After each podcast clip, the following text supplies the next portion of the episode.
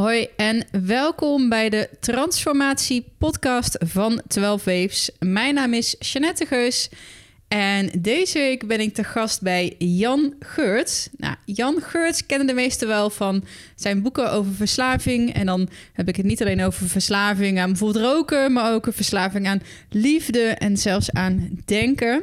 En uh, ik vind Jan een bijzonder inspirerende en fijne man. En ik sprak hem daarom ongeveer anderhalf jaar geleden ook al een keertje in de podcast. En in dat eerste gesprek had ik het heel erg met hem over gewaarzijn, bewustzijn, verlichting. Um, wil je dat nog een keertje terugluisteren? Check dan even de show notes. Ik, show notes. Ik zal het linkje uh, daarin opnemen. Um, maar Jan is natuurlijk ook heel erg bekend om zijn kijk op de liefde en de liefdesverslaving. En uh, de ego-verkrampingen waar we allemaal in zitten, waardoor we dus ook verslaafd zijn aan liefde. nou, ik heb het eerder in de podcast ook over mijn eigen liefdesrelatie, situatie gehad, dus polyamorie. Dus ik vond het erg toepasselijk om een keertje terug bij Jan op visite te gaan. En echt een deep dive te nemen in liefde. Want wat is liefde nou eigenlijk? En wat is een spirituele liefdesrelatie? Uh, maar we hebben het ook over tantra en over seks. En het is echt zo te gek hoe open en vrij Jan, toch wel een man op leeftijd, uh, daarover praat. Dus ik vond het echt een fantastische uh, meeting, bijzondere meeting weer met hem. En ik hoop dat je ook echt geniet van deze aflevering. Dus uh, laat me vooral weten wat je ervan vindt. Uh, deel een screenshotje hiervan. Tag mij of 12 Faves of de podcast. Uh, tag me erin, zodat ik ook een shout-out naar jou kan doen. Um, dat was het. Vergeet niet om ook even een kijkje te nemen op de 12 Faves site. Um, dat was het. Enjoy en ik spreek je volgende week weer.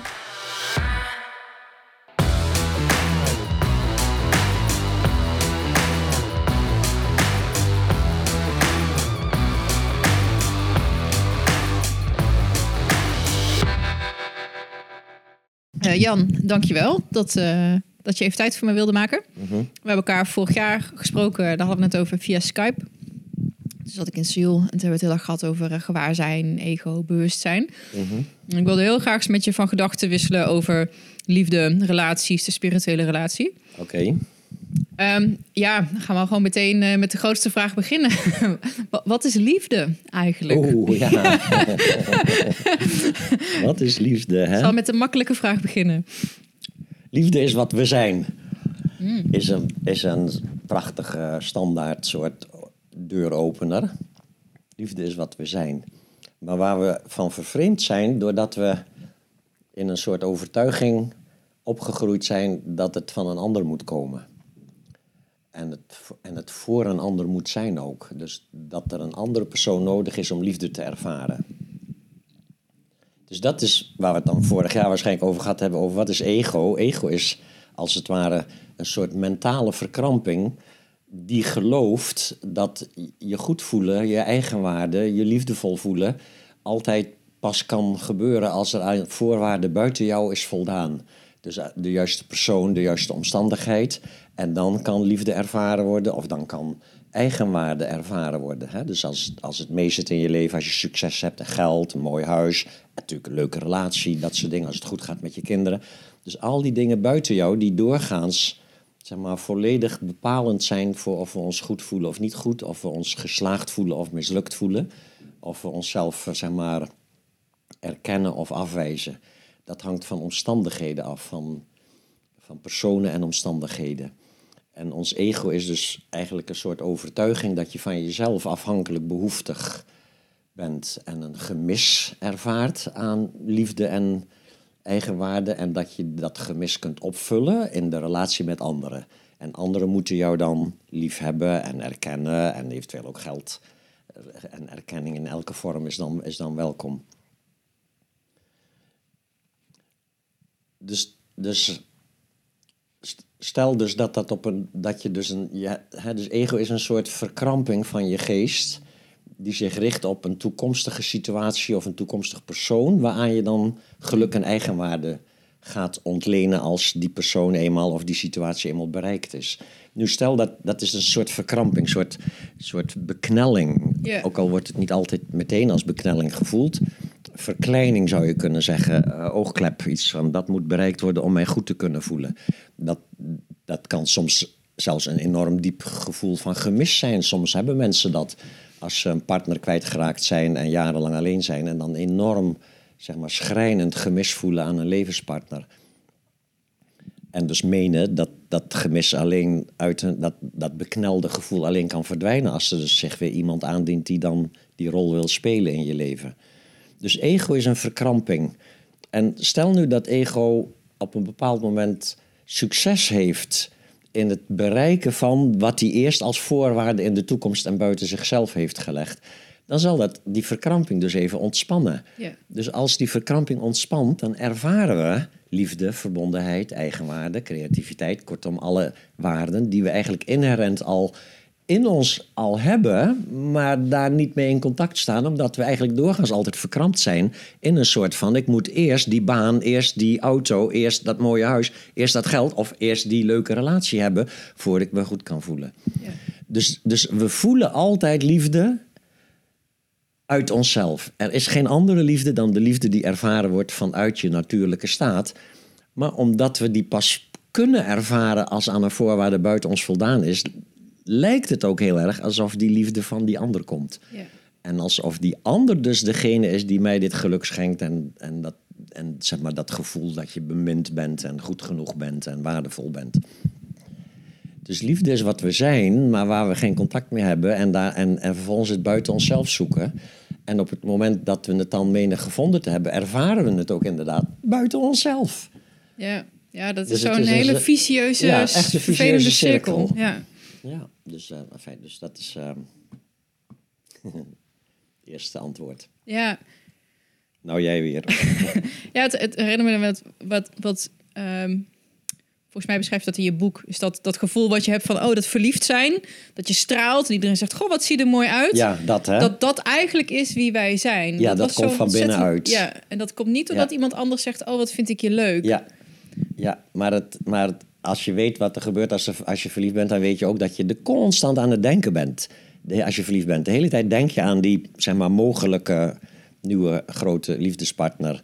En, en of als het net, zeg maar, het ik ook van jou net gebeurd is, dan heb je de constant gedachten als wat fantastisch en wat leuk en wat gaat dit fijn worden en soort. En die gedachten, dat is als het ware een soort een soort, zeg maar, een soort worst voor het ego. Zo, oh, nou hebt hij hem te pakken. Het ego heeft als het ware mm. te pakken. Dus je zou kunnen zeggen dat zelfs het geluk wat je ervaart... als je dan succes hebt in het bereiken van zo'n voorwaarde... buiten jou en in de toekomst... dat dat zich voornamelijk in de denklaag afspeelt. En die denklaag die kalmeert dus eventjes. Die, die krijgt even zijn zin, als het ware. En dan ontspannen we en dan voelen we, voelen we dus liefde uit de natuurlijke staat. En uh, hoe verhoudt zich dat tot het hebben van bijvoorbeeld verlangens of, of doelen? Want uh, of wat gebeurt er als je helemaal in dat, die liefde die je dan zelf bent gaat zitten? En het dan wat stiller wordt en je niet dat van anderen afhankelijk maakt? Dan denken mensen vaak van, oh, dan blijf je dus gewoon de hele dag in je bed liggen en dan ben je al gelukkig. soort van, dat lijkt me niks leuk. Nee hoor, dat als, uh, hoe meer je in staat bent om rechtstreeks contact te maken, hè, dat is eigenlijk waar spirituele beoefening over gaat. Spirituele beoefening laat dus eerst dat mechanisme zien van dat je doorgaans je geluk en je eigenwaarde eerst afhankelijk maakt van dingen buiten jou en vervolgens de hele tijd bezig moet zijn om die dingen te scoren. Yeah. En dat je ook rechtstreeks contact kunt maken. Dat is in feite wat, je, wat meditatie is. Zij het niet elke vorm van meditatie, maar bepaalde vormen van meditatie.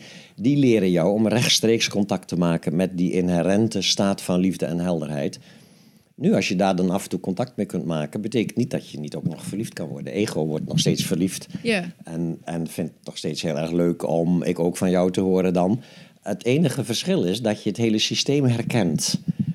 En dus ziet dat dat niet is wat je werkelijk bent, maar dat wat zeg maar een soort van alsof het de rol is die je speelt in de wereld. Hmm. En, en dat blijft dus gewoon een leuke rol.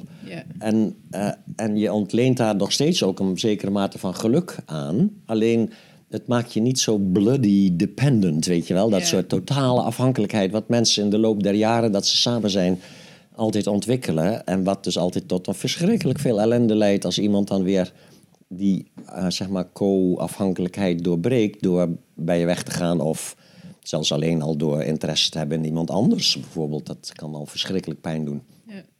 Ja, Dus dat systeem krijgt veel meer, veel meer, er komt veel meer ruimte omheen. Je, dit gebeurt nog steeds. Hè? Je, je, het is niet zo dat spiritualiteit een einde maakt aan je ego. Dat zou absoluut niet kunnen. En als mensen denken dat het wel kan, dan zijn ze in feite bezig een spiritueel correct ego te ontwikkelen. Wat zeg maar zogenaamd dan zich niet meer hecht aan geliefdes en dat soort dingen. Ik noem het altijd bindingsangst met een spiritueel sausje. Dat, ze- hè, mensen komen daar soms een tijdje in terecht en dan, afijn, dan komen ze er ook vanzelf wel weer achter dat het niet werkt. Dus Ja, want wat ik in mijn omgeving dan een beetje zie, dan als je de eerste stappen zet en je ziet, je ziet dat proces en die patronen en je bent je dan ook bewust van, maar dan toch blijft er iets knagen. Zo van ja, maar het is toch ook gewoon leuk om dan een relatie te hebben en om verliefd te zijn, om een nieuwe bevestiging te krijgen. En, ja, het is gewoon leuk. Mag ook, mag leuk vinden. Kijk, als mensen op het spirituele pad komen, dan komen ze bijna altijd in die valkuil. Dat ze zich weliswaar bewust worden van hun ego, maar tegelijkertijd menen dat ze er iets aan moeten veranderen. Dat ze er van af zouden moeten, of in ieder geval van die afhankelijke, eh, behoeftige soort van aspecten ervan. En ervan af willen betekent alleen maar dat je er tegen een soort van gevecht tegen gaat beginnen. En dat is een verschraling van je leven. Ja, Dus, iets wat eh, je niet dus, wint, eh, ja, me. dus het is een valkuil. Dat betekent dus, je komt erin terecht, je kan het niet eens voorkomen. Het levert een tijdje een soort van nadeel op, een soort van extra beknelling. En dan krijg je het door. En dan kan je zeggen, oh, wacht even, dat was dus vergissing nummer zoveel. Bladzijde zoveel, daar en daar en dat en dat boek, weet je wel. Het is allemaal bekend, dit soort valkuilen. Dit is de groei van bewustzijn. Eerst ben je je ego, weet je niet eens wat het woord betekent. Dan krijg je het door, maar heb je een soort gêne erover. Hè? Dan zie je je eigen afhankelijkheid en, je, en je, zeg maar, je trucjes die je uithaalt om aardig gevonden te worden en afwijzing te voorkomen. Dan vind je dan, vind je dan gewoon behoorlijk gênant en je gaat je schuldig voelen over dingen waar je dan jezelf over afwijst en dat soort dingen. En dat moet je dus een tijd lang doormaken, die fase. Totdat je zeg maar snapt en het ook gaat beoefenen. Dat je juist liefdevol kunt zijn voor datzelfde ego. Voor die aangeleerde automatismen. Ja. En dan ontstaat als het ware die ruimte eromheen die jou bevrijdt van het ego. Maar je bevrijd zijn van het ego betekent niet dat er geen ego meer is. Maar dat jij het ego niet meer bent dat jij die soort van ruime, open staat van zijn bent, waarin het ego zijn, zijn spelletjes speelt. En die spelletjes worden overigens dan steeds minder verkrampt. ja. Steeds minder, zeg maar, een soort van gedreven door behoeftigheid en, en gedreven door angst. Ja. ja. Wat vind je van, ehm, wat ik er ook een beetje in hoor, wat je dan in dat zelfhulpland wel ziet, dat je bijvoorbeeld de, de, de stemmetjes die je hoort, de negatieve gedachten, de overtuiging, dat je die bijvoorbeeld een naampje kan geven. Die van mij, die heb ik maar Yvonne eh, genoemd. Als een soort van eerste stap om je daar een klein beetje van te distancieren, ehm, dat jij dat niet bent. Nou, en ik zit in Mhm. een gecompliceerde relationele constructie. Dus ik heb een vriend met twee vriendinnen. Dus hij- hem zou je het labeltje Mhm. Jij bent polyamoreus... dan de derde of de, de tweede? De, ja, de we hebben niet één, twee, maar we zijn met z'n tweeën. Ja, Ja, oké, oké. ja, want een vriend met twee vriendinnen, maar jij bent een van die twee vriendinnen. Ja, Ja, oké. ja, ja. Dus dat is, heeft een hele interessante en hele leerzame aanlooptijd eh, gehad. Waarin een hele hoop dingen waar je normaal gesproken denk ik een beetje voor kan verstoppen in een... eh, oh, ik krijg een enorme... Ja, hè, dan kom je in het niet licht. Hè. Even kijken, zal ik eh gordijn dicht trekken? Dan wordt het wel meteen weer een Ja, stuk... want anders dan... Nou goed. Zie ik jou in eh, silhouet. Zo jammer, want het is wel heel mooi. Maar dat zie ik is Ja, ja dat is beter. Dankjewel. Anders ik zit tegen zo'n zwarte vlek eh, te praten. Ja, ja, ja. Maar dat, dat is een hele interessante aanlooptijd waar ehm, een hele hoop dingen aan de oppervlakte komen waar je normaal gesproken best wel makkelijk een beetje omheen kan dansen in een relatie. Een Mhm. beetje jaloezie en een beetje vasthouden en onzekerheid. En de situatie zit, je moet er doorheen. Je moet het zien, Ja, je ja, moet ja. er iets mee doen, anders is het je leven lang lijden. ja. En een van de trucjes die mijn well, sister wife noem het dan maar eventjes. Ehm, Hoe noem je dat? ja, sister wife. Sister wife. Oh, wat een leuk woord. Ja, Het, ja, en zo voelt het ook echt. ja. Het is Jullie heel, hebben ook contact met elkaar. Ja, een heel goed contact. Ja, Ja, ja. heel, heel Mhm. ja, als familie of zussen. Ah, ja, We zien elkaar één keer in de maand. Hebben we gewoon, eh, gaan we iets leuks doen, gaan we eh, Het is winkelen. twee eh, zonder hem erbij. Ja, En zien we... jullie ook wel eens met z'n drieën elkaar? Ja, Mhm. niet, nu, we zijn nu zeven, acht maanden verder. We hebben nu één keer echt een, dat we met z'n drieën aan tafel gaan zitten. En eigenlijk gewoon, oké, maar wat, zie, wat wil jij? Waar wil Ja. je naartoe? Wat vind je belangrijk? Ah ja, Wat- ja, ja, en ja. Om te gaan kijken van, is die stip op de horizon die wij hebben, die wat je graag ziet in een relatie, is dat hetzelfde van ons drieën? ja. En ik denk, ja, jeetje, eigenlijk zouden alle relaties dit moeten doen. Mhm. Want vaak ga je er een soort van half eh, vanuit dat iemand hetzelfde wil als Ja. jij en dezelfde dingen belangrijk vindt. Ja. En wij moeten er wel over praten. ja. Ehm, maar goed. Ja, nee, dat snap ik. Ja. Ja, dat is een boeiend eh, gebeuren. Hè? Ja, het is heel interessant. Ik denk, ik probeer het wel eens mensen uit te leggen. Het is een soort van de spirituele relatie waar Jan het over heeft, maar dan in het kwadraat. Omdat je met z'n drieën bent. Ja. En dan Mhm. nog alle andere interessante dynamieken zijn. Ja. Maar dat stukje van dat, je, je, dat stukje ego dan een naam geven. Mhm. Nou, mijn sister wife, die, die... En ik probeer het haar uit te leggen, maar die... Ik vecht daar tegen en ik zet er in de hoek. En ehm, we merken van als je moe bent, dan, dan is dat gewoon best wel aanwezig. Kan Mhm. dat zijn. Wat zou nou een goede tip zijn voor haar om... om of ja, wat, kunnen we, wat kan je aan zoiets doen? Als je in zo'n onzeker moment zit en... Dus dat stem in je ineens hoofd jaloezie, die- jaloezie van Ja, dit of- wordt niks en, eh, en hij vindt haar toch veel leuker dan mij, dat soort dingen. Ja, dan gaat dat stemmetje, gaat, oh, Ja. zie je wel, nu gaan zij closer worden, gaat hij mij in de steek laten. En ik heb die Mhm. natuurlijk ook gehad. Ja, Maar goed, je, Mhm. je ontwikkelt jezelf ook en je, je visie verandert. ja, Maar daar struggelen we alle twee nog wel eens mee. ja. Nou ja, wat je kan doen is herkennen. Herkennen en proberen lief te hebben. Dus niet zozeer eh, het object van je jaloezie lief te hebben. Dat zou ook wel aardig zijn, maar je jaloezie lief te hebben. Het object van je... je, je- Nou, als Dus- zij jaloers is op jou bijvoorbeeld, dat ze dan heel erg haar best moet doen om jou aardig te vinden, dat, zo. zou, hè, dat is een soort beoefening van liefdevolle vriendelijkheid. Als iemand op je knoppen drukt, dan kan je oefenen in die persoon liefhebben. Maar dat is een, ehm, dat is een soort afgeleide beoefening. Maar waar het natuurlijk uiteindelijk om gaat, is dat je een soort liefde voelt voor die jaloezie. Die beknelling is in feite een kindreactie. Als kinderen hebben we dat, hebben we dat leren voelen. Het is een, een kindgevoel. In feite zijn alle ego-beknellingen zijn in de kindertijd aangeleerde beknellingen. Emoties als onrechtvaardig behandeld worden, er niet bij horen, dat gevoel, miskend worden, eh, niet begrepen worden en minder zijn dan een ander. Nou, dat is bij uitstek hè, wat jaloezie is. Hè?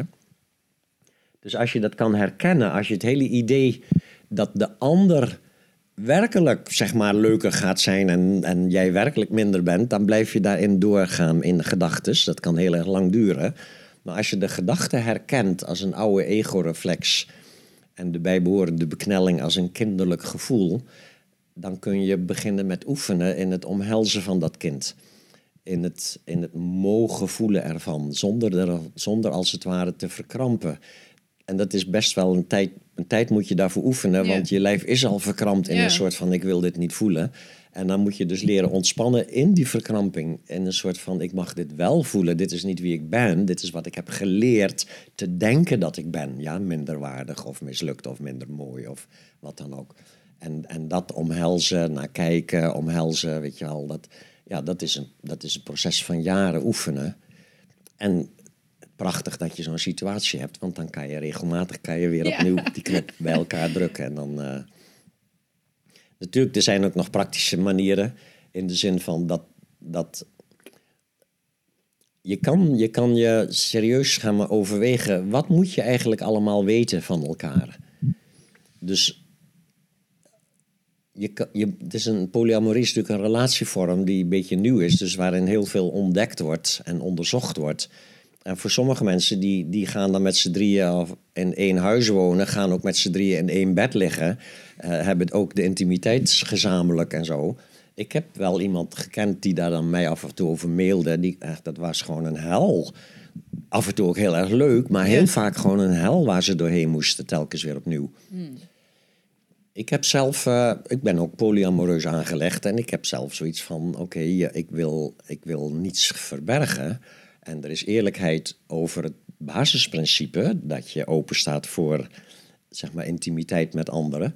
Maar tegelijkertijd, het is vaak het jaloerse ego wat van alles en nog wat wil weten. Van wat doe jij met haar en doet zij ook dit en is ze net zo goed in dat? Dat soort dingen. Als je die vragen al in je ziet opkomen, dan moet je ze eigenlijk al herkennen als, oh, dit is een soort no-go area. Die. Hoe meer je op dat gebied weet van elkaar, hoe meer je in moeilijke buien, als je je wat eenzaam voelt en mislukt voelt, dat zijn allemaal van die venijnige haakjes die telkens opnieuw gedachten in jou opwekken van soort van zie je wel dat ik inderdaad minder goed ben of dat de ander dat dan ook, weet je wel. Dus natuurlijk, je kan geen grens trekken van, waar, van geen regels afspreken hier, want het is een totaal soort onontgonnen gebied en een buitengewoon boeiend gebied.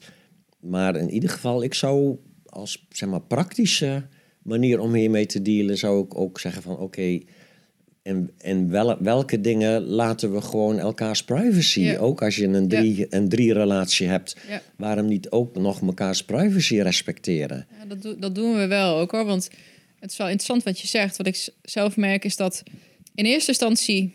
ehm, ik heb contact gezocht met haar. Mhm. Omdat zij in mijn hoofd... Ik kende haar nog niet. Mhm. En eigenlijk hoe meer ik gewoon haar als persoon leer kennen... hoe minder bedreigend ze wordt... omdat ik haar gewoon lief en Ja. leuk en een band met Ja. haar heb. Ja, Waardoor niet mijn hoofd een heel groot spektakel ervan gaat maken... hoe geweldig en mooi en fantastisch is... wat ik dus allemaal dan niet zou zijn. ja. Dus het zit wel dat wel, maar we hebben wel ook heel duidelijk afgesproken van, ja, ik hoef allemaal niet te weten exact. We wonen ook niet Mhm. samen. Ja. We hebben alle drie een latrelatie met, met ja, elkaar. dus elk heeft zijn eigen huis ook. Ja. Dat lijkt me sowieso een soort, soort basisvoorwaarde. Ik hè, eh, wil niet meer. eh, maar dat houdt het ook leuk, want als iemand er dan is, dan is hij er voor mij. Ja, ja.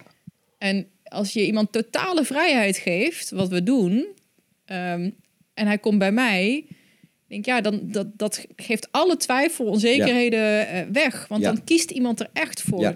En dat is heel, mensen vinden het heel moeilijk te snappen. Het is een soort van omdenken. Dus, want ik moet het niet vasthouden, moet het juist loslaten, zodat Ja. het vrij wil Ja. naar mij toe komt. Ja, precies. Ja. Ja, hoe minder je claimt, hoe waardevoller het is als iemand naar je toe komt. Ja. Maar eigenlijk is dat ook alweer een stukje ego. Waar denkt, ah, zie je wel, hij heeft alle keuze en dan toch kiest hij voor mij. Ja, ja, natuurlijk. Maar dat ego speelt gewoon mee. Dat mag. ja, ja, Dat mag, vooral als je daar dan weer met enige lichtheid en humor naar kunt kijken. ja. Oeh, kijk, mijn ego nou eens opbloeien, weet je wel. Wat leuk, wat grappig. Oké, nou gelukkig. Want dan, ja, ik heb er ook wel een handje van dat ik dan, ja, het moet me toch ook allemaal niet uitmaken. Ja, dat mag niet uitmaken. Ja. Dat, ja, dat, is, eh, weer- dat is weer spiritueel correcte strengheid. Ja. Oké, nou dan ga ik dus bij deze gewoon voor eeuwig en altijd proberen niet te doen. Of te zien voor wat het is. Dat is mooi. aha. En ehm, hoe, wat is dan eigenlijk een spirituele relatie? Je noemt het al een klein beetje. Iets waarin je elkaar toestaat om op de knoppen te duwen. Ja. ja, dat is een belangrijk aspect, denk ik. Hè? Dus dat, ik bedoel, dat, dat kenmerk van een relatie is dat je op elkaars knoppen drukt. Dat is ego. Ego verstrengelt met een ander ego. Dat is gewoon het hele spel. Het verliefd worden, intiem zijn met elkaar, heeft enorme zeg maar, effect op het ego. Je vindt dan een ander heel belangrijk voor bepaalde dingen. Je ontleent er bepaalde eigenwaarden aan. Dus ook bepaalde angst als iemand bepaald gedrag vertoont... wat mogelijk bedreigend kan zijn voor die eigenwaarden. En zo. Dus, heel, eh, dus, dus een, een spirituele relatie is gewoon een ego-relatie. Plus de behoefte van de partners om zich spiritueel te ontwikkelen en zich zeg maar, los te maken van de identificatie met dat ego. En hun eigen natuurlijke staat als het ware te, leren herkennen en te ontwikkelen. Ja. Dus daarbij kan het nuttig zijn om op mekaars knoppen te drukken. Zowel op die prettige knop van, oh, wat ben ik eigenlijk een mooie vrouw, want hij vindt me leuk. Weet je wel? Als op die andere knop van, oh, ik ben kennelijk niet mooi genoeg, want hij vindt een ander ook leuk. Ja. Zoiets, hè? Beide knoppen kunnen dan herkend worden. En met diezelfde vriendelijkheid die, als het ware, is wie je werkelijk bent. Dus Ja. het kijken naar is wie je werkelijk bent. Het, het, zeg maar, in plaats van een gevoel te zijn, ja, als je jaloers bent dan, en je bent volledig geïdentificeerd met je ego, dan ben je op dat moment ervan overtuigd dat je minder waard bent. Ja. Maar als je aan het oefenen bent op spiritueel vlak, dan kun je op een bepaald moment herkennen dat je het gevoel hebt dat je minder waard bent. Dat is al een eerste stap. Zo, oh, wat voel ik mij weer minder waard dan mijn sister wife, ja? Dat ze leuk geeft vinden niks, dat mag ik best, deze laat casus maar heb even. Ja, ik ben dat niet, ik mag dat voelen. Ja, En dan kun je al die trucjes uit de kast halen die als het ware jou helpen om niet weg te lopen van dat nare gevoel. En er gewoon bij te blijven. En dan op den duur zul je misschien dan ook die ruimte realiseren waarin dat gevoel dan weer kan oplossen ook. Ja. Omdat je je dan niet meer ertegen verzet, omdat je het herkent En, en helder blijft, ruim blijft, oordeelvrij blijft, als het ware. Ja. Wat ik wil zeggen is, eh, het er sowieso niet proberen weg te, te drukken, het er laten zijn en daar met vriendelijkheid naar te kijken, Mhm. waardoor het eigenlijk, als je dat dan oefent, waardoor het oplost. Ja, dat. Ja, En een oké. tijd lang kom je dan nog in die soort paradoxale valkuil dat je die instructie gaat volgen in de hoop dat het daardoor verdwijnt. En dan is, zul je dus een tijd lang zul je dus beoefenen en proberen lief te zijn voor jezelf. Proberen vriendelijk te kijken naar je pijnlijke, jaloerse gevoelens. En verdomme, het gaat maar niet weg. Ja. Ja, en dat is gewoon omdat er, dat net onder de oppervlakte van die vriendelijke gedachten zit nog steeds die agenda van dit is mijn nieuwe truc om er vanaf te komen. En Ja. het is in feite al een enorme vooruitgang vergeleken met fles wijn opentrekken en tv gaan kijken en dat soort dingen. Ja. Je blijft dichter bij jezelf al, maar het blijft nog steeds een pijnlijke beoefening. Ja.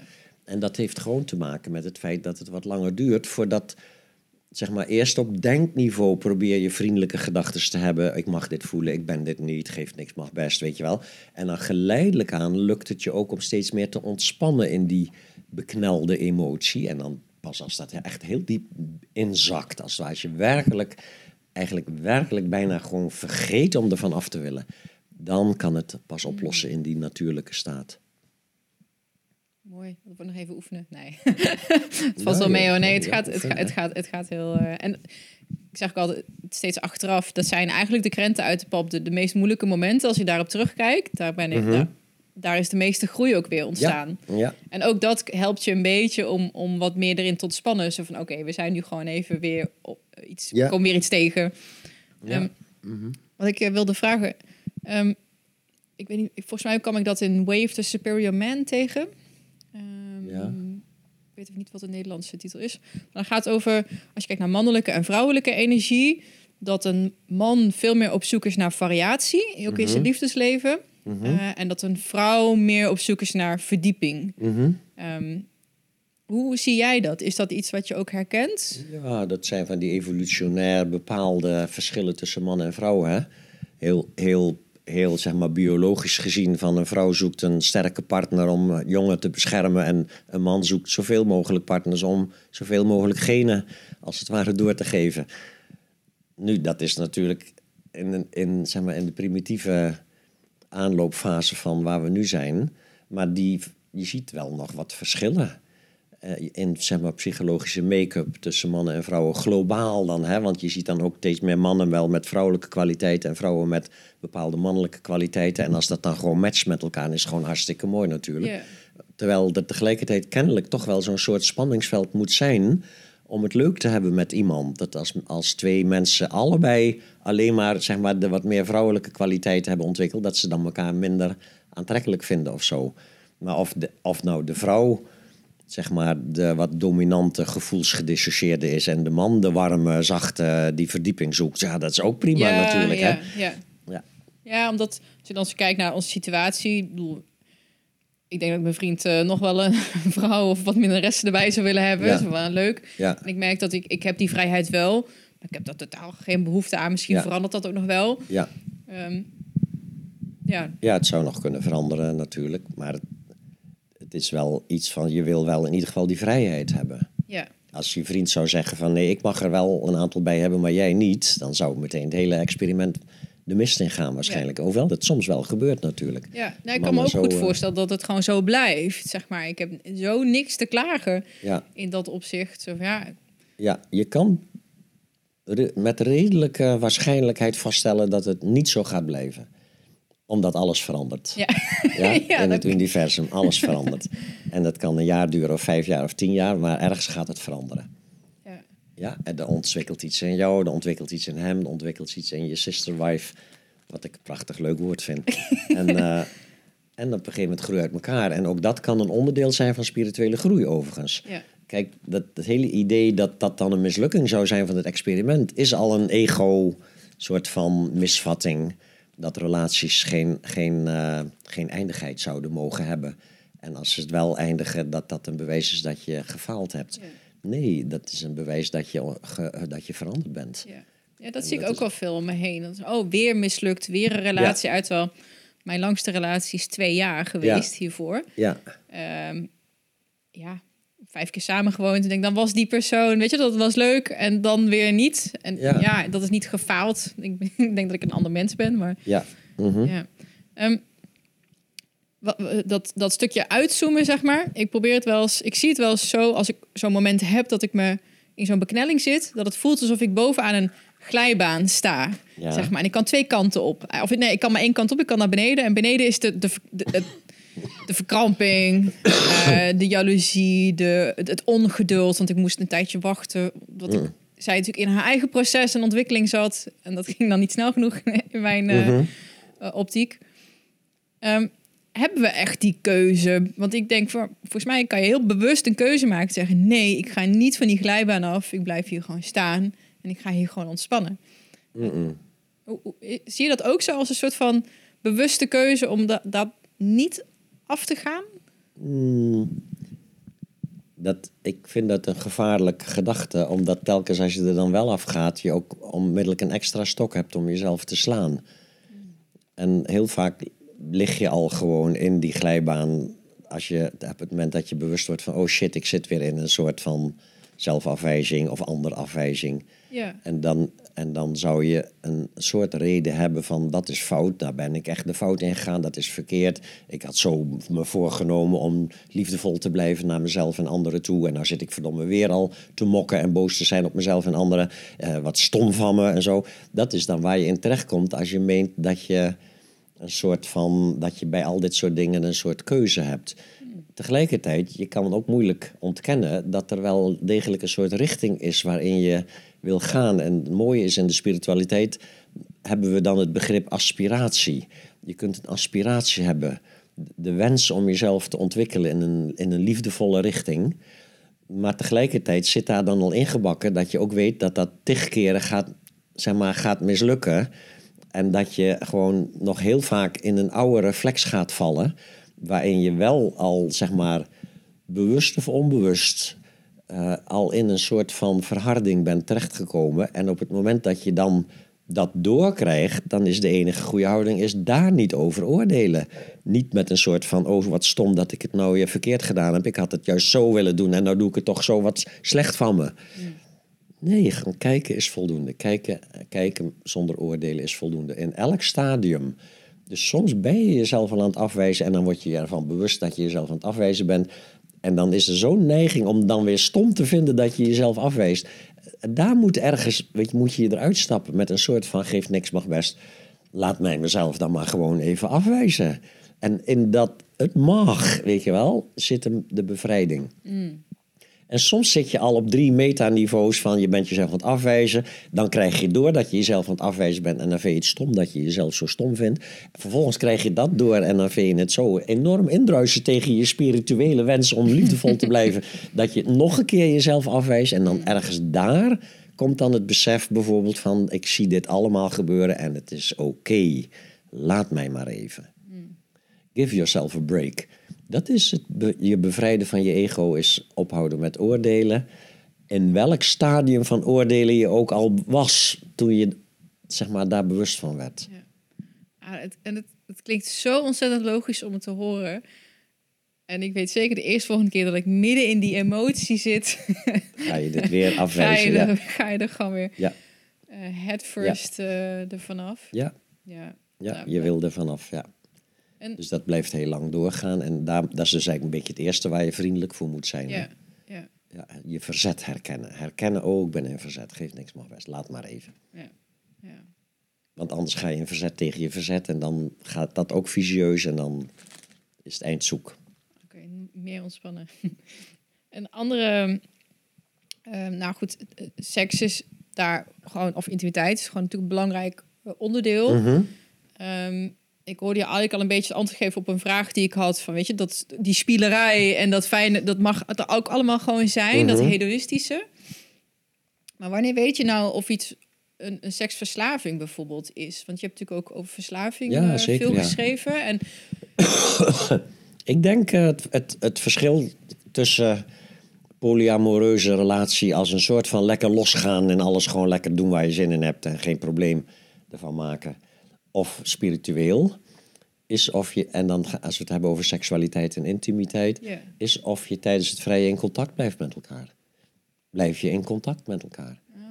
En dat kan je heel simpel zien. Hoeveel tijd, stel dat je een uur aan het vrijen bent, hoeveel van die tijd heb je oogcontact? Als dat maar een paar keer is, eventjes, en je bent de hele tijd gewoon lekker los aan het gaan, dan niks verkeerds aan, maar dan ben je echt, dan is je ego aan het vrijen, zal ik maar zeggen. Het is in het oogcontact, het is in het gewaars, gewaar blijven tijdens het vrije. Dat is eigenlijk wat van vrije een spirituele beoefening maakt. Je kan daarnaast allerlei zeg maar, trucjes uit de tantra-wereld gebruiken. Die kunnen bijdragen aan het wakker houden of wakker maken van dat gewaarzijn tijdens het vrije. Maar heel vaak worden ze daar niet eens voor, voor gebruikt, maar worden ze gewoon gebruikt om je vrijpartij leuker te maken. En ook daar is natuurlijk niks op tegen. Maar het staat of valt bij, is er gewaarzijn tijdens het vrije? Is het er niet, dan ben je gewoon aan het vrijen. Is het er wel, dan ben je spiritueel aan het vrijen. En, en dat is dat stuk oogcontact. Ja, en dat is wat je in elkaar wakker houdt met oogcontact. Niet dat je de hele tijd in oogcontact moet houden, weet je wel. Dat Ja, zou weer- ook. Dat zou een fixatie kunnen worden. Maar dat je telkens, weet je wel, het is heerlijk om even los te gaan in je passie, weet je wel. Dat gewoon elkaar verwennen is gewoon zo leuk. En dan ga je even helemaal los en zoenen en strelen van wat wat. En dan, maar een minuut later kijk je ineens elkaar aan en stop je ook even. Stop je even en kijk je elkaar aan. En dan dat hele, zeg maar, dat heerlijke gevoel waar je dan, waar je als het ware elkaar in hebt verwend. En dat bij elkaar hebt getriggerd. En dan daarin ontspannen. En natuurlijk uiteraard ook in ontspannen op een manier dat dat hele doelgerichte wat in het egovrije zit. Je moet ergens heen. Ja. Je moet naar een climax en naar extase en naar... Vaak voor ego is het orgasme ook inderdaad een soort totaal jezelf vergeten. Ja. En dat voelt dan heel erg prettig, dat je eventjes zeg maar, jezelf kunt, echt kunt vergeten. Ja. Maar het is een, het is een soort quasi-realisatie. Het is geen echte zelfloosheid. Het is gewoon ego die zichzelf even totaal vergeet. Omdat het allemaal zo lekker is. Dus nee, dat gewaarzijn is hier de, zeg maar de, het criterium. Ja. Zonder dat dat natuurlijk dan weer een soort een regel wordt waar je aan moet voldoen op straffen van dat je fout bezig bent of Ja. zo. Dus, en ook dat hele idee van, eh, vooral met name voor de, voor de mannelijke partner, om helemaal zeg maar, vrij te zijn van zijn orgasme-obsessie. Betekent niet dat hij dat je moet, zou moeten beginnen met hij mag geen orgasme meer krijgen. Maar hij zou vrijwillig daar toch op zijn minst de helft van het aantal keren dat hij vrijt ervan af moeten zien om. Helemaal? Oké, dat is misschien een beetje Ja, gewoon helemaal. intieme gewoon, vraag. Maar Ja, een uur lang vrijen zonder klaar te komen is voor een man die niet geoefend heeft hierin, is een bummer. Nou, wat, wat we doen. Sorry, vriendje, dat ik dit vertel. Maar wat hij doet, eh, dat, eh, volgens mij heet het edgen. Ja. Dus eigenlijk eh, tot op de rand. En wel, het voelt dan wel als een orgasme, maar er is geen ejaculatie. Ehm, nou, we hebben, we hebben helemaal geen tantra-cursus Ja. of zo gedaan. Ik weet ook helemaal niet precies. Ja, misschien is dat een goede vraag mee te beginnen. Wat is tantra dan eigenlijk precies? tantra is oorspronkelijk is, is, is een veel ruimere traditie in het boeddhisme die elke emotie die doorgaans als een obstakel voor verlichting wordt beschouwd, gaat benutten als een beoefening voor verlichting. Dus ook woede kan beoefend worden als een pad naar verlichting. En dan bijvoorbeeld seksuele begeerte kan beoefend worden als een pad naar verlichting.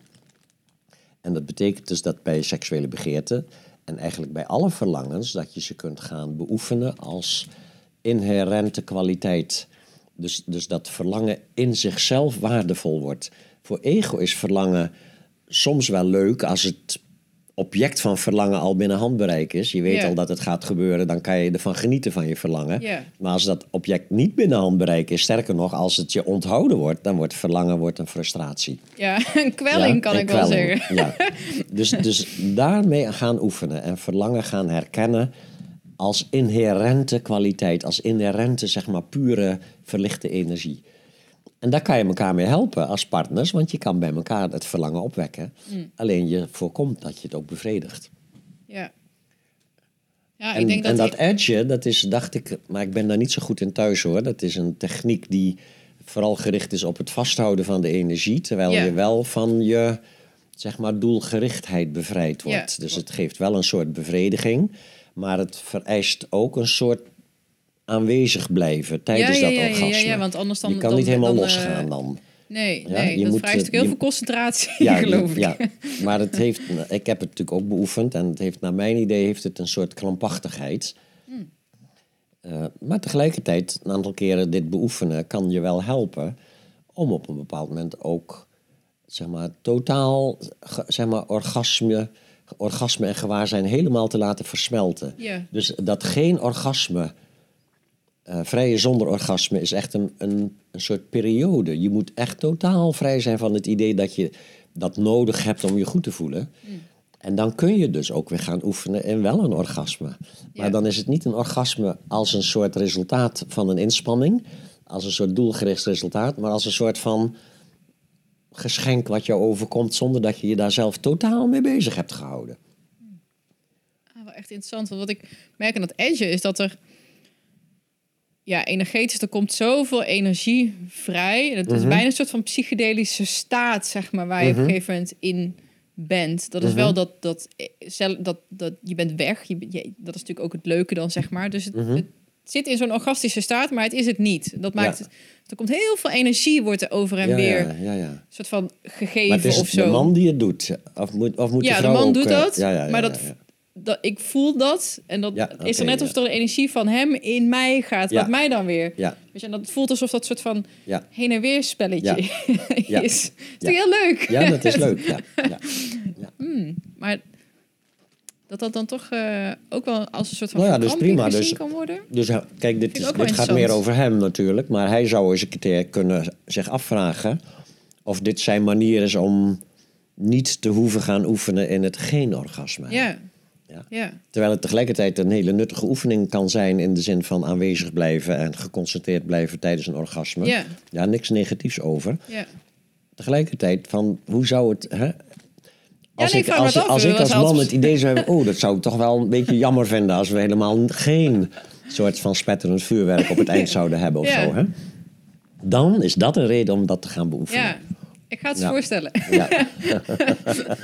Eens kijken hoe dat... Wie weet wat voor ellende ik hiermee weer heb veroorzaakt. Nee, maar het, is gewoon echt een nieuwsgierigheid van... Goh, weet je wel, dit, dat, dat, ontdek, dat hoor je dan ergens en dat ontdek je. Dan ga je eens mee experimenteren. En Ja. ontdekt van... hé, hey, er zit een hele gelaagdheid in wat ik kan voelen en ervaren. En dat gaat heel Ja. diep. Soms hebben we ook gewoon visioenen, zeg maar, als je daar bent. Nou ja, ja. Dus het is een heel interessant, eh, interessant iets. Dan hebben we nog Ja. Sex Magic. Ehm, dan Magic met CK.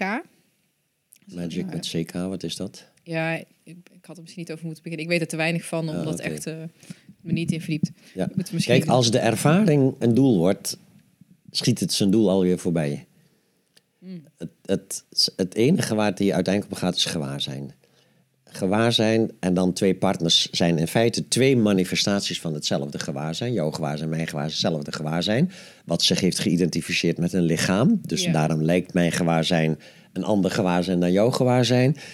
Als je tantra beoefent op deze manier, zoals ik hem dan heb ge- geleerd te beoefenen, dat is een soort dzogchen manier om tantra te beoefenen. Je doet eigenlijk al die prachtige zeg maar, techniekjes om met, met zintuigelijke dingetjes en, en, en, en pindakaasjes en nootjes en ananasjes en dat soort dingen. En streeltjes met veertjes en pluimpjes en dat soort dingen. Allemaal leuk en aardig, maar weet je wel, is er helemaal niet nodig. Opwinding is er vanzelf wel. Ja. Ja? En dan gewaarzijn. Gewaarzijn en opwinding. Natuurlijk ook als je affectie voelt voor je partner. Gewaarzijn, opwinding en affectie. Gaat allemaal, wordt één, wordt één ervaring. En dan ergens komt dus dat moment dat je als het ware in het oogcontact vergeet dat er twee lichamen zijn. En gewaarzijn zichzelf herkent. En dat is een soort van extase, maar helemaal niet zo'n spectaculair soort van trance, als helemaal van de wereld af of zo. Het is gewoon totaal soort van doodgewoon, maar ook totaal, ja, tot, van, totaal soort van eenheidservaring Ja. natuurlijk. En even later en dan vertel je dat weer aan elkaar, want dan zi- zijn het weer twee ego's die gewoon hartstikke blij zijn dat ze dat weer eens meegemaakt hebben. Ja, Ja. ja. Nou, wauw. Daar kan ik wel wat mee, dankjewel. Ja, ik ga eens kijken hoe dat thuis ontvangen wordt. ja. Ehm, ja, dat, waren, dat, dat was wel een belangrijke vraag. En dus ook, ook, er, ook eh, oefenen in, in niet-opwinding. Dus hè, dat hoort daar dan ook bij. Dus dat je ook het aandurft om bijvoorbeeld in elkaar te zijn en dan niet te bewegen. Gewoon vijf minuten, tien minuten, gewoon niet te bewegen. Oogcontact niet te bewegen.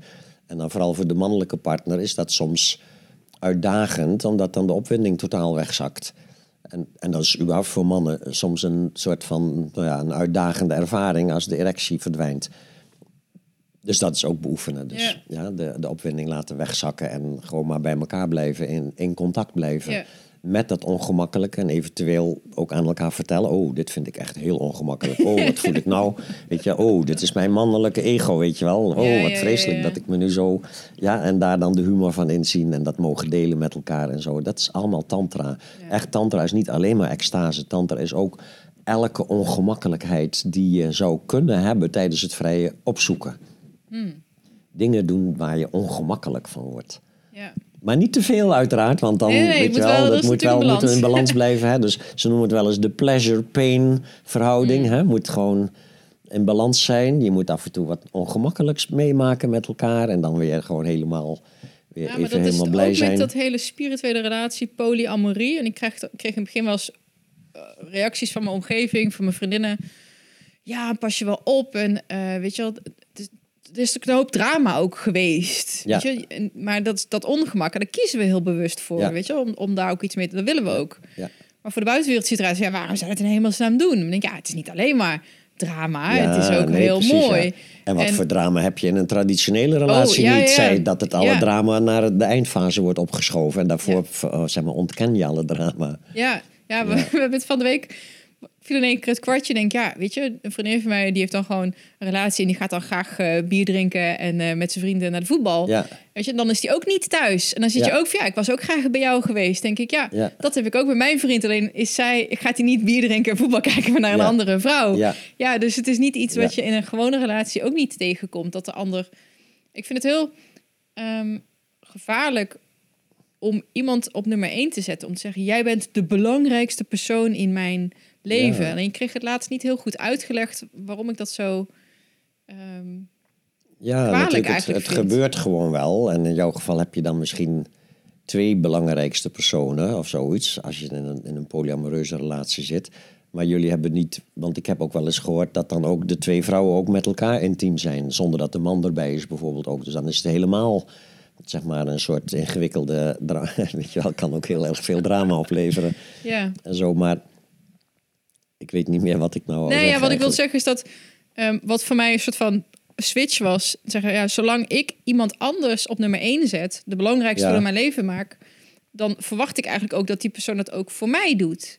Want, Ja. al- En als dat niet gebeurt, dan blijf ik altijd een soort van lijden. Zo van ja, Ja. maar jij, maar denk, maar eigenlijk kan je dat aan niemand vragen, want het is best wel een verantwoordelijkheid ook om aan iemand te geven. Zo van nou, maak jij mij maar eens even gelukkig, want als jij mij ook de belangrijkste vindt, Ja. dan is het allemaal, eh, dan voel ik Maar me ja, oké. tegelijkertijd, ik bedoel, het ego heeft die neiging om de persoon waar je intiem mee bent en waar je affectie bij ervaart, om die toch op een bepaalde manier belangrijker te vinden dan de bakker en de slager om de hoek. Ja. En dat is toch volstrekt normaal ook. Hè? Ja. Het enige wat je zou kunnen beoefenen is hier dat er toch altijd nog eentje nog belangrijker is. Dat, dat Ja, is jezelf, precies. hè? Ja, Dus, en eh, ook mijn eigen waarde daar niet van af laten hangen. Ja, Ja. ja. Nou, dat is nog wel een leuke casus. Ik ben heel benieuwd hoe jij er tegenaan kijkt. een casus. Een casus, ja. een oké. vraag. Nou, eh, dating apps zijn natuurlijk... eh, ik weet niet eens hoeveel er eh, zijn. Mhm. En ehm, ja, ik hoor zoveel vriendinnen, vrouwen klagen over hoe ze eigenlijk behandeld worden door de man. In de zin van dat in één keer het appcontact, noem maar wat, stopt. Volledig, Mhm. zonder opgave van reden. Ja. Of, of dat, ze, dat het dan Ja. eerst een week leuk is. En dan denk je, nou, gaan we dan nu een kopje koffie drinken? Ja. Of een, en dat het in één keer stilvalt.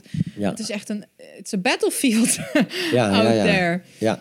En ehm, ja, ik, ik weet niet of je dat ook wel eens hoort van dat soort verhalen. En of je daar iets. Ik, ik, eh, ik hoor niet zoveel verhalen, maar, maar bijvoorbeeld, eh, ik hoor dan wel eens van de mannelijke kant. En inderdaad ook daar, dus dit zijn niet alleen de mannen die, eh, de, de vrouwen hebben dat kennelijk ook wel. Een soort van, ben ik net begonnen met chatten en zo, weet je wel. Ja. En ineens eh, hoor ik gewoon nooit meer wat. Ja, dat. Dat soort dingen, hè. Dus dat, eh, zeg maar, een soort van basiscommunicatie wordt dan kennelijk niet zo belangrijk gevonden.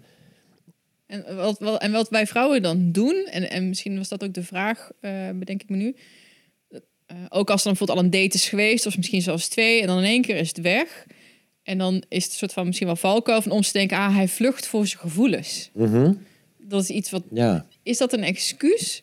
eh, denk je? Is het iets wat wij, wat wij vrouwen dan onszelf vertellen om, om, om de pijn een beetje te ja, verzachten maar dat lijkt zo? me een heel normale reactie. Hè? Je zou kunnen zeggen van, oh, als het er zo in is... dan dan moet ik eigenlijk maar gewoon blij zijn dat hij niet, dat hij niet doorgegaan is... en dat dit pas over vijf jaar gebeurt nadat we twee kinderen hebben gekregen. En hij, en hij haakt ineens af, weet je wel, beter nu dan dan. dan. Ja, dat Dus is eh, tegelijkertijd, ja, hoe kan je het voorkomen? Je kan het niet voorkomen. Hè? Kennelijk nodigt internet uit tot dit soort, zeg maar, andere vormen, andere, zeg maar, andere soort van minimale waarden van communicatie, fatsoen. Ja, ik bedoel, ik, eh, dit is een beetje van, eh, dit is, ik bedoel, ik zit zelf niet op datings, gewoon, Nee, ik ook niet, maar vriendinnen van mij wel. Dus ik hoor dat dan aan en denk ja, ik, ik kan oh, het dus niet eh, uit eigen Ja. ervaring kan ik er niks over zeggen, maar het lijkt mij als je ziet dat, zeg maar, dat het voor een belangrijk deel, zeg maar, de aanloopfase in ieder geval is heel anoniem. Ja. En mensen die menen dat ze anoniem zijn, die gaan zich vaak een beetje on, onsocialer gedragen.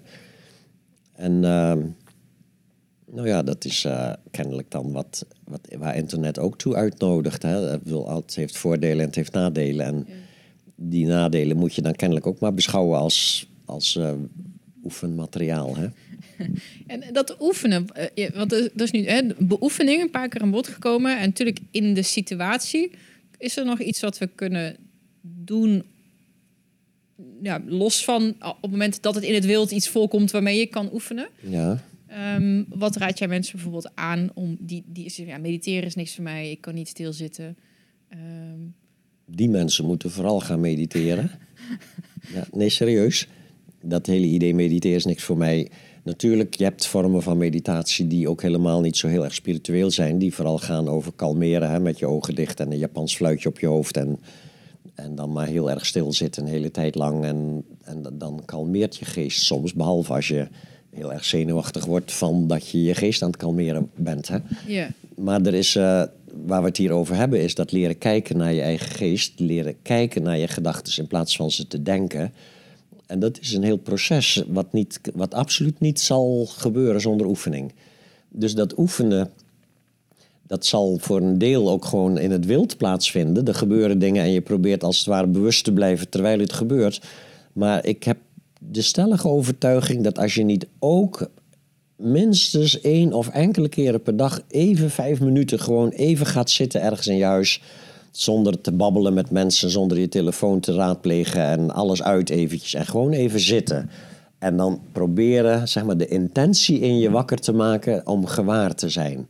Wat niet de hele tijd lukt ook, en daar moet je ook niet over oordelen, maar dat gewoon die intentie om eventjes bij jezelf te blijven.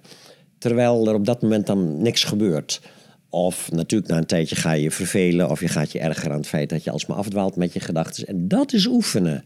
Dat, dat echt zonder dat is er, is er niet echt een spiritueel pad naar mijn idee. En mensen kunnen soms heel erg hard roepen, ja, maar ik ben best wel heel bewust bezig en zo. En dan zeg ik ook prachtig, dat is heel erg mooi, weet je wel. Maar waarom mediteer je niet? Vind je het misschien saai? Vind je het misschien heel, heel irritant? Dan is dat de reden om het te doen. Maar ik merk voor mezelf, ik vind het juist heel fijn. En ik, ook 20 minuten. En in het begin denk je, hoe ga ik het helemaal snel voor elkaar krijgen? Ja. Maar dan doe je dat een tijdje en dan voelt het ook gewoon... Nou, begint het prettig te worden, Stop ik ja. een keer met 10 minuten en denk oh, Ja, na een eigenlijk tijdje nog niet hoeven stoppen. Ja, na een tijdje ga je het gewoon, blijf je het doen omdat je het niet meer wil missen. ja. Maar, Maar in het begin is het wel echt iets waar je toe moet zetten. Hè? Dus het, in het begin heeft het een beetje karakter van een corvée, soort van Ja. ik doe iets naars, maar dan krijg ik er misschien iets leuks voor terug. En dat, die fase kan je niet overslaan. Dat, als, je, als je gewoon nooit daaraan wilt beginnen, dan blijf je dus eigenlijk altijd een soort feel-good beoefenaar. En dat is niet echt waar spiritualiteit over gaat. Ja, ja, je moet het doen. En dan is het ook honderdduizend smoesjes. Je bent druk, je bent ondernemer. En dan denk Ja. ik, 20 minuten, waar ga ik dat nou weer vandaan halen? Ja, Wat kan ik leuke- allemaal anders doen in die 20 Er minuten? is een leuke zen-uitdrukking die zegt... eh, je moet 20 minuten per dag mediteren... behalve als je te weinig tijd hebt daarvoor. Dan moet je een uur per dag mediteren.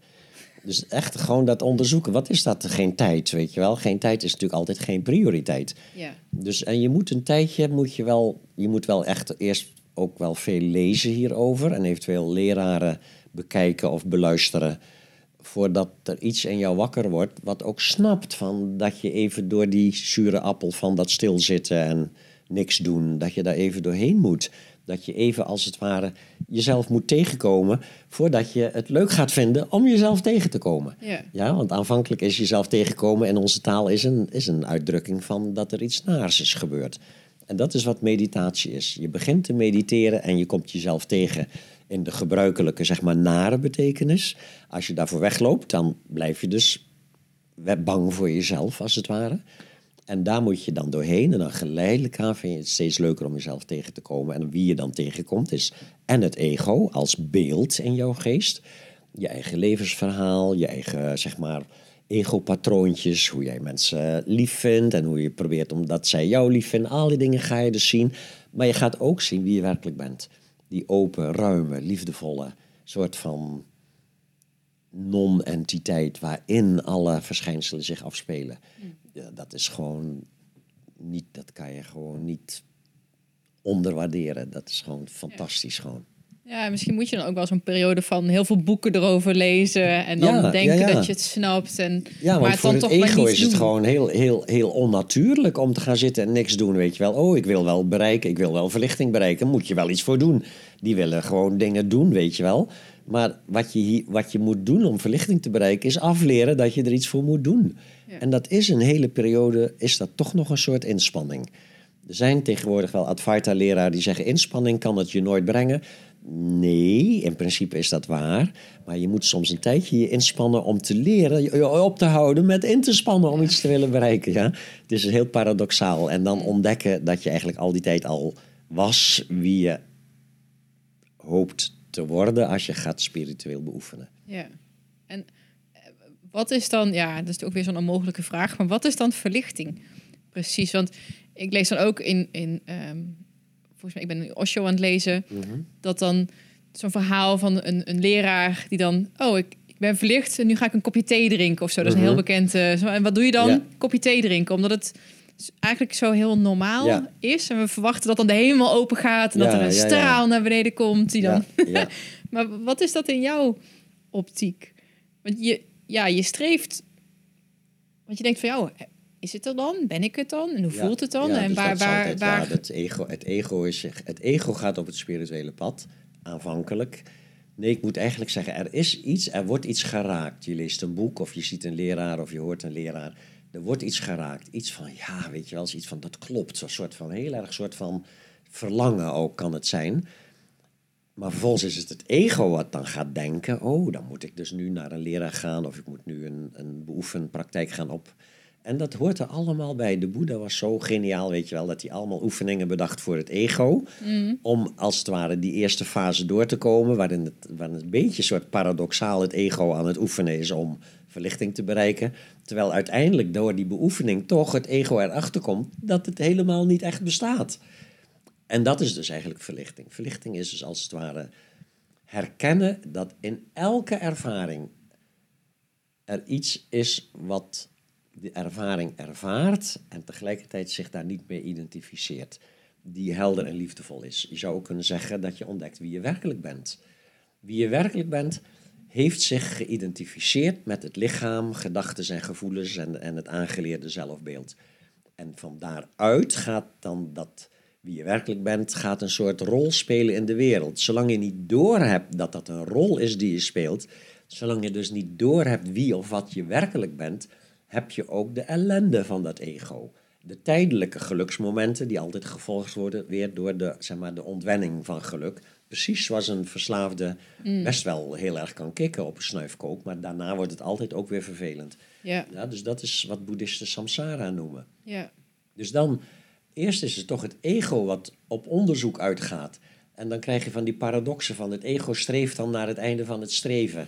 Weet je wel, dat soort van dingen. Nou, dat zijn leuke, leuke gedachte-experimenten. Maar uiteindelijk is het gewoon herkennen wat je al die tijd al was, maar wat je gewoon niet herkende. Omdat het zo zo'n zuigkracht heeft dat je denkt dat jij, weet je wel, Jeannette bent en dat je vrouw bent en dat je, weet je wel, die man als partner hebt en dat je, daar, dat, je dat allemaal bent. Terwijl het niet is wat je bent. Maar het is ook niet wat je niet bent in de betekenis van dat je iets anders bent dan dat. Dus het is, het is in, met, je moet eigenlijk dat punt bereiken dat de denkende geest snapt dat het met snappen niet te ervaren valt. En dan kun je die switch maken naar, naar direct ervaren. En eigenlijk als je direct ervaart wat je ervaart zonder die tussenlaag van dat aangeleerde conceptuele denken, dan ben je eigenlijk al heel dicht bij huis. En dan in dat ervaren kan zich dan nog een soort van ontspanning ontwikkelen en een soort helderheid en een soort oordeelvrijheid en een soort liefdevolheid voor welke ervaring dan ook zich afspeelt. Dus je kunt dan liefde voelen voor een wat we daarvoor dan nog als een nare ervaring Ja. beschouwden. Dus dat is realisatie. Niet een soort van gelukzalig soort één met alles. Dat is een verlichtingservaring. Ja. Die je soms ook hebt op het spirituele pad. Maar die komen en die gaan. En die hebben aanvankelijk ook vaak nog nadelen ook. Want dan heb je het ervaren, hè, dat totaal één, extatisch, weet je wel, geen zelf. en, een, en een uur of een dag later zit je weer te, te mopperen over je hypotheekschuld. En dan en word je dus ook nog eens boos over het feit van... oh, nou ben ik het kwijt, oh wat stom, ik was er, oh runtie, ik ben... Ik krijg van dat soort mailtjes van mensen die zichzelf diep afwijzen... over het feit dat ze hun verlichting verkwanseld hebben... voor een, een leuke jonge man of een leuke jonge vrouw die ze daarna ontmoet hebben, weet je wel. Dus nee, je kan het niet verkwanselen, want Ja. erv- ervaringen komen en gaan. Verlichtingservaring is een, is een ervaring. Komt en gaat. Maar herkennen dat welke ervaring je ook hebt, tijdens het hebben van welke ervaring dan ook, herkennen dat die hele ervaring een soort droomachtige verschijning is in wat je werkelijk bent. Dat open, ruime, oordeelvrije, liefdevolle. Hmm. Ja, prachtig. Zoiets dus. Mag ik nog één laatste vraag eh, Ja, stellen? je gang. Want, ehm, ja. Ehm, ik, ben dit, ik had de term opgeschreven, maar geloof jij in een soort van levensoverstijgende zielsverwantschap of zo? Ah, dus, en de Ik- zielsverwantschap, de, Ja, het vooral We hebben het dan over nou, liefdesrelatie. ehm, In een liefdesrelatie noemen ook partners daarbuiten, elkaar soms. Maar ook het, het gevoel of het besef dat het dit leven overstijgt. Dus, Mhm. ja, feitelijk is het ook een vraag, een soort van reïncarneert ons bewustzijn in dit lijf en kunnen wij een soort van verwantschap voelen voor een ander stukje bewustzijn dan wat ik nu ben boven dit leven. Ik hoop dat ik het goed Ja, ik snap je vraag geloof ik wel, ja. Ik moet eerlijk zeggen dat ik op dat gebied, een soort tussengebied, eigenlijk helemaal niet goed thuis ben. Ik heb zelf geen ervaringen van die aard. Wat ik wel zie is dat soms twee ego's die verschrikkelijk verstrengeld raken met elkaar, dat ervaren als zielenmaatje of zielenverwantschap of, of voorbij de grenzen van dit leven gaand. Ik heb het idee dat dat gewoon een soort manier is van uitdrukken hoe diep je, hoe diep je, zeg maar, hoe diep je gevoelens zijn voor elkaar. Dat, dat dat helemaal geen garantie is voor het stuklopen van die relatie en het kwijtraken van die persoon. Dat is duidelijk. En het enige is, als je elkaar dan zielenmaatje hebt genoemd en je gelooft werkelijk dat dat ook zo is, dan doet het alleen nog meer pijn als je zo iemand kwijtraakt. Ja. Want dan lijkt het alsof je nooit meer iemand zult vinden in je leven, in dit leven dan, die datzelfde zou kunnen teweegbrengen in jou. En dat is gewoon ego's verlatingsangst weer. Ja. Hè? Oh, Dus nee, dat, in dat opzicht denk ik moet je oppassen met dit soort dingen te gaan benoemen als een soort stempel. Een soort van, je zet, oké, ik heb, je hebt een relatie met iemand en je zet er dat stempel op van dit is er eentje van beyond birth and death en zo, weet je wel. En zo. Maak Ik je niet de denk dat dat- belangrijkste dat in dit leven, ego. maar in alle levens. Ja, dat. Dus aan de andere kant ben je natuurlijk met alle levende wezens ben je op de meest intieme manier verbonden. En zou ik, maar dat noemen boeddhisten dan geen zielenverwantschap, want voor boeddhisten is ziel is een soort, is bijna een soort vloek in de kerk. Echt? Ja, dus de boeddhisten hebben het niet over een ziel. Want ziel is als het ware ego's projectie van zijn eigen angst om, zeg maar, niet te bestaan. Ego is het meest bang om dood te gaan, om niet te bestaan. En dan creëer je een soort onsterfelijke identiteit. Dus een ziel beschouwen we wel als mijn ziel. Ja, mijn ziel, die, die gaat niet dood. En die gaat dan verder in een volgend leven. En dat is dan weer Jeannette, maar dan heet ze anders. En Ja? Weet ze ook niet meer dat Ja, dit is gebeurd. Dus dat is Oké. eh, ego's manier, eh, een soort doekje voor het bloeden. eh, om, om, zeg maar, omdat je bang bent om op te houden te bestaan. Eigenlijk pas als je een soort van vreugde kunt vinden in het beëindigen van je bestaan. In het beëindigen van ego's bestaan.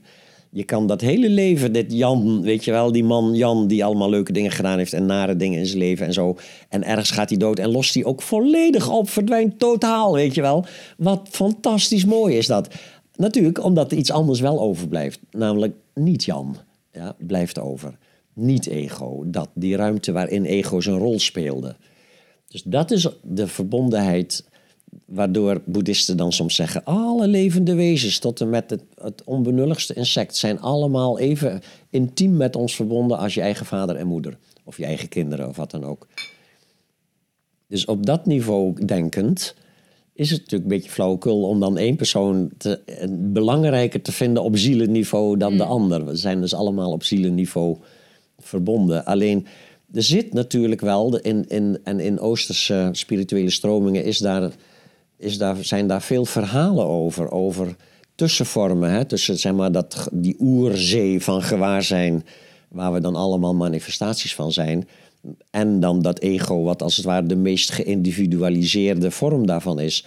Dat er nog wel een soort tussenvorm is. Zo zou er bijvoorbeeld een astraal lichaam kunnen zijn. Een soort energetisch lichaam wat nog wat langer leeft dan het stoffelijke lichaam.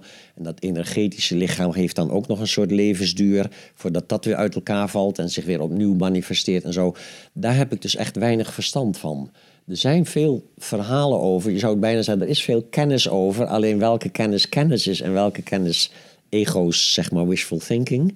Daar heb ik te weinig soort van idee van. Dus ik noem het allemaal maar verhalen. Ja, en sommige ja. verhalen zijn nuttig als ze je kunnen helpen om je gehechtheid aan je identiteit los te laten. Ja. Maar als het een verhaal is wat juist jouw gehechtheid voedt aan een soort zelfgevoel, aan een soort van, oh, dat gaat, dit gaat lekker niet dood of zo, weet je wel. Dan, dat, dat, dan zou het eerder een, een spirituele obstakel kunnen zijn. Het is wel grappig. Ik zie nu dat ik, ik heb dat, daar een soort van visioen over gehad.